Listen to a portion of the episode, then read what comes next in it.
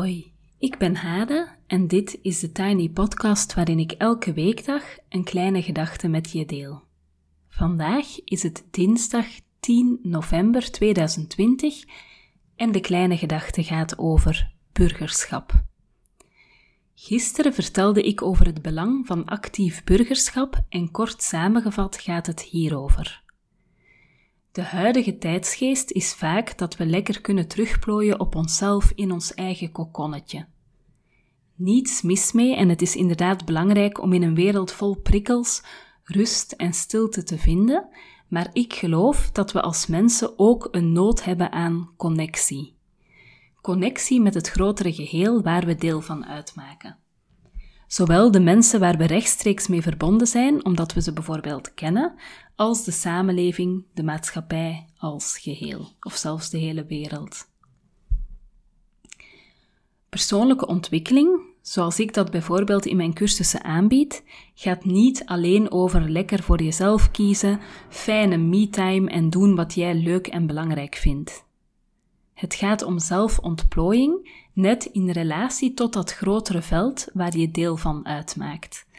En dat begint natuurlijk bij de gedachte dat je niet een eilandje bent, maar dat je verbonden bent met uh, alles wat bestaat en leeft.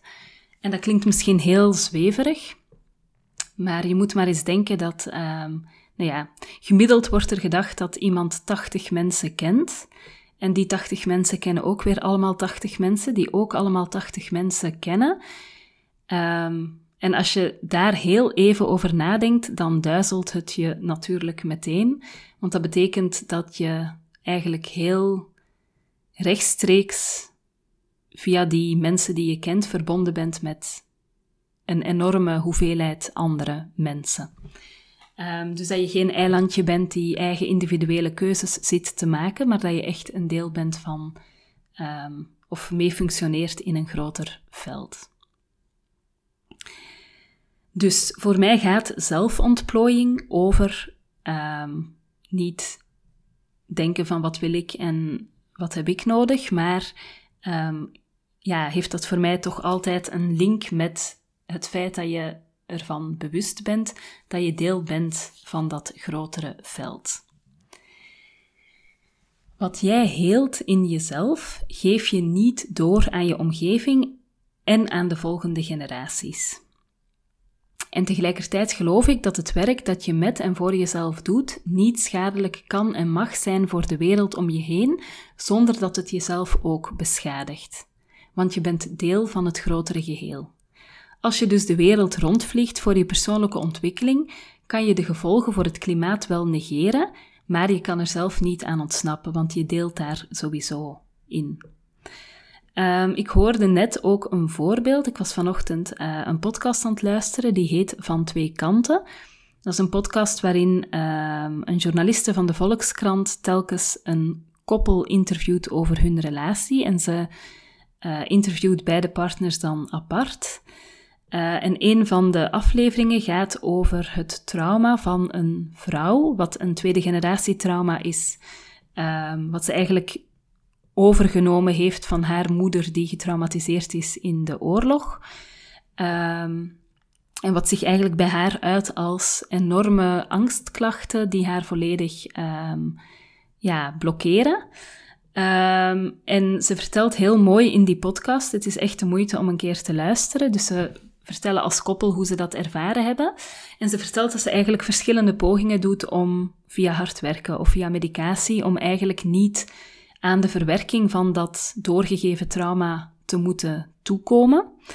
En het bijzondere is dat haar kind op zijn of haar zestiende, ik ben even kwijt of het een meisje of een jongen was, uh, maar dat dat kind exact, exact op het moment dat zij zelf um, haar eerste angstklachten kreeg, ook angstklachten ontwikkeld. Um, en dat ze dan ziet van ik moet en voor mijn kind hulp zoeken, maar ik moet ook zelf weer met die trauma's en met die pijn die van mijn moeder doorgegeven zijn, dus die niet eens van mijzelf zijn, moet ik weer aan de slag, want als je het niet, als je het niet heelt, dan geef je het door.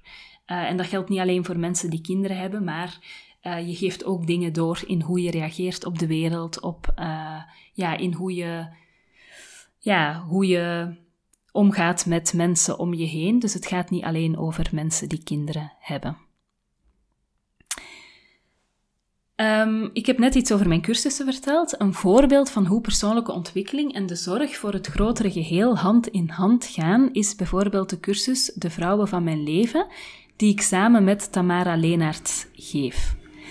Daarin onderzoeken vrouwen door welke vrouwen ze gevormd en gevoed zijn en misschien zelfs beschadigd zijn in hun eigen leven. En vanuit die inzichten kiezen ze bewust voor hoe zij zelf als vrouw in de wereld willen staan en hoe ze andere vrouwen willen voeden en vormen. We hebben net de tweede editie van die cursus um, gedaan. Um, als je interesse hebt om deze cursus ooit te volgen, dan mag je zeker een mailtje sturen naar thetinypodcast.gmail.com en dan hou ik je op de hoogte van een eventuele nieuwe um, editie. En soms mag het natuurlijk ook allemaal veel directer. Zo mag ik voor het Willemsfonds in Vlaanderen een cursus geven over actief burgerschap. Dus die hebben we in overleg ontwikkeld en daar loopt nu de pilotversie van. De cursus heet Van Doemdenker tot Doendenker, dus eerst met de M en dan met de N. En met een kleine groep van mensen bespreken we zes weken lang in een wekelijkse meeting wat het betekent om een actief burger te zijn. Als je zin hebt om deze cursus in de toekomst ook een keer te doen, dan kan je mailen naar thetinypodcast.gmail.com en dan hou ik je op de hoogte van een eventuele volgende editie. Maar um, het was een thema burgerschap waar ik al mee bezig was um, in mijn werk voor het onderwijs. Uh, en ik heb natuurlijk de voorbije weken heel veel kans gehad om heel erg in dat thema te duiken. En in dat hele traject verzamelde ik onder andere getuigenissen van mensen over hoe zij actief burgerschap vormgeven.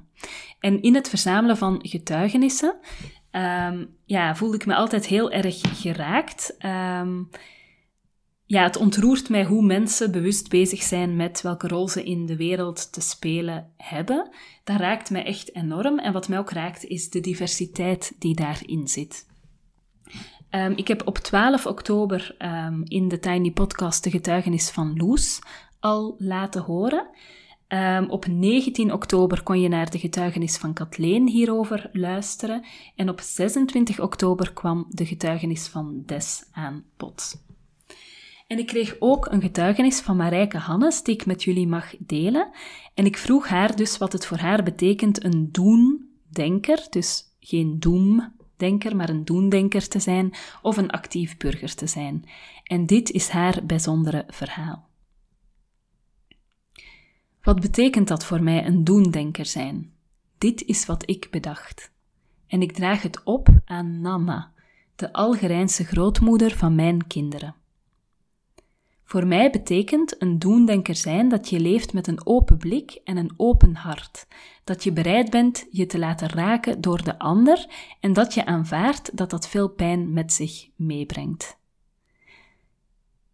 Ik onderbreek even het verhaal van Marijke om te vertellen dat ander, dat zij ander met een hoofdletter schrijft. Um, en vaak in de literatuur of ja, in teksten uh, duidt ander met een kleine letter op een mens en de ander uh, kan ook duiden op het goddelijke in de mens of op God. Ik weet niet hoe Marijke het hier heeft bedoeld, maar het lijkt mij wel belangrijk om even te vermelden dat zij de ander met een hoofdletter schrijft. En nu lees ik verder wat ze opgeschreven heeft. Als ik er zo op terugkijk, ben ik al heel lang een doendenker, alleen zag ik dat zelf niet zo. Ik ben er naar mijn gevoel telkens gewoon ingerold door enkele intuïtieve, maar ook wel impulsieve keuzes die ik als prille twintiger heb gemaakt. Die keuzes hebben me meegevormd tot wie ik nu ben, met de rol die ik nu, willen of niet, moet opnemen. Op aanraden van een vriendin solliciteerde ik eind 1999 bij de overheid omdat de dienst, die met vluchtelingen werkte, tussen aanhalingstekens, mensen zocht.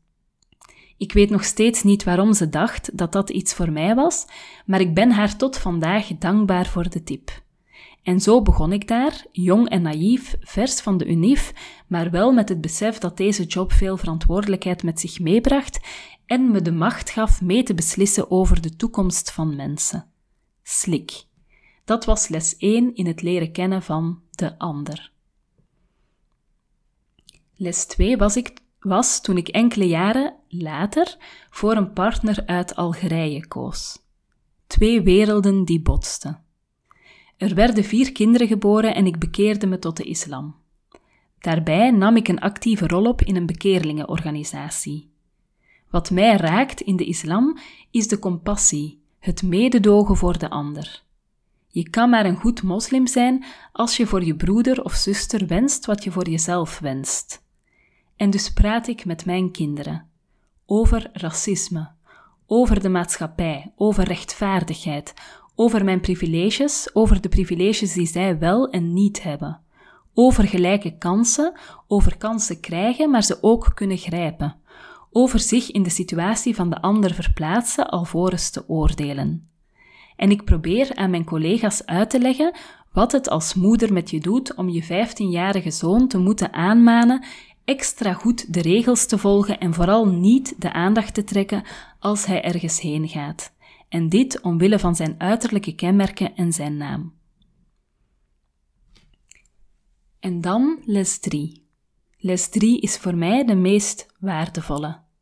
Een les in nederigheid ook. En ze komt van een ongeletterde, Algerijnse vrouw, de grootmoeder van mijn kinderen.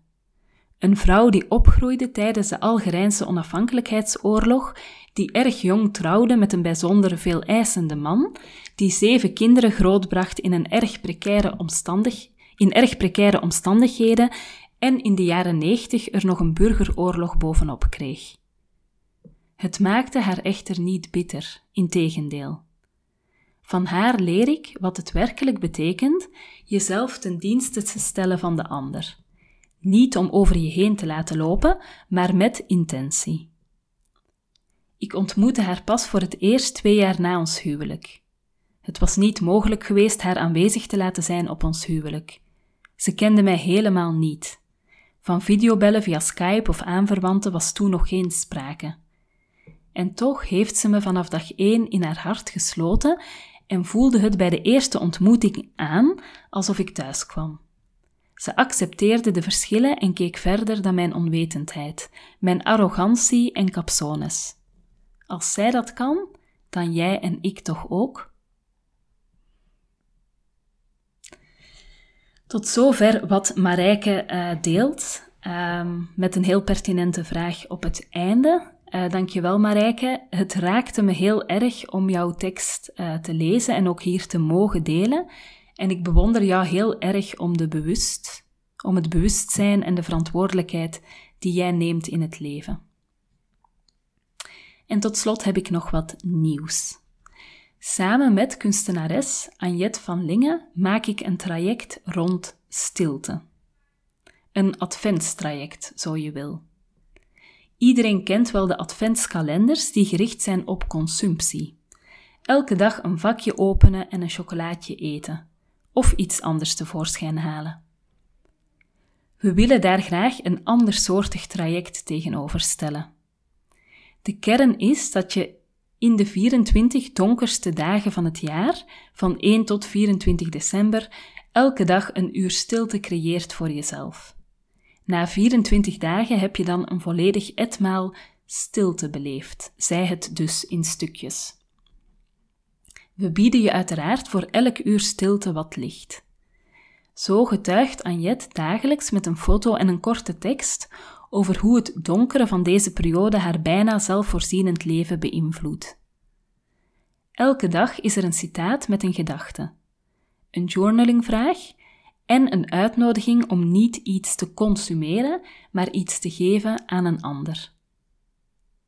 24 dagen lang.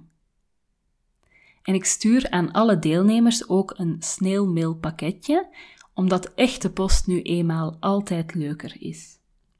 Het kost belachelijk veel tijd. Hè. Soms zit ik hier dan die pakketjes te maken en dan denk ik dat het absurd is dat ik hier gewoon ja, uren besteed aan het uh, mooi inpakken van dingetjes bijvoorbeeld, of het uh, schrijven van adressen of dat soort werk. Maar ik vind het zo heerlijk om met mijn handen bezig te zijn en de pakketjes samen te stellen, waarvan ik hoop dat ze jou uitnodigen om zelf echte post te maken voor anderen. Het traject staat nog niet online, maar deze week komt er een mailtje. En als je graag op de hoogte wil gehouden worden, mag je me mailen op thetinypodcast.gmail.com. En de is gewoon DE en dan tinypodcast. Um, ik zet mijn e-mailadres ook even in de show notes. Um, en als het mailtje, ik denk dat dat donderdag zal zijn, als dat mailtje dan uitgaat met alle informatie, dan krijg jij dat uiteraard ook. Morgen gaan we verder met het thema burgerschap en heel graag tot dan. Je kan me volgen op Instagram, TheTinyPodcast. Je helpt me door deze podcast wat sterretjes te geven op iTunes, een review achter te laten en of hem door te sturen aan iemand anders die er misschien ook heel graag naar luistert. Tot later!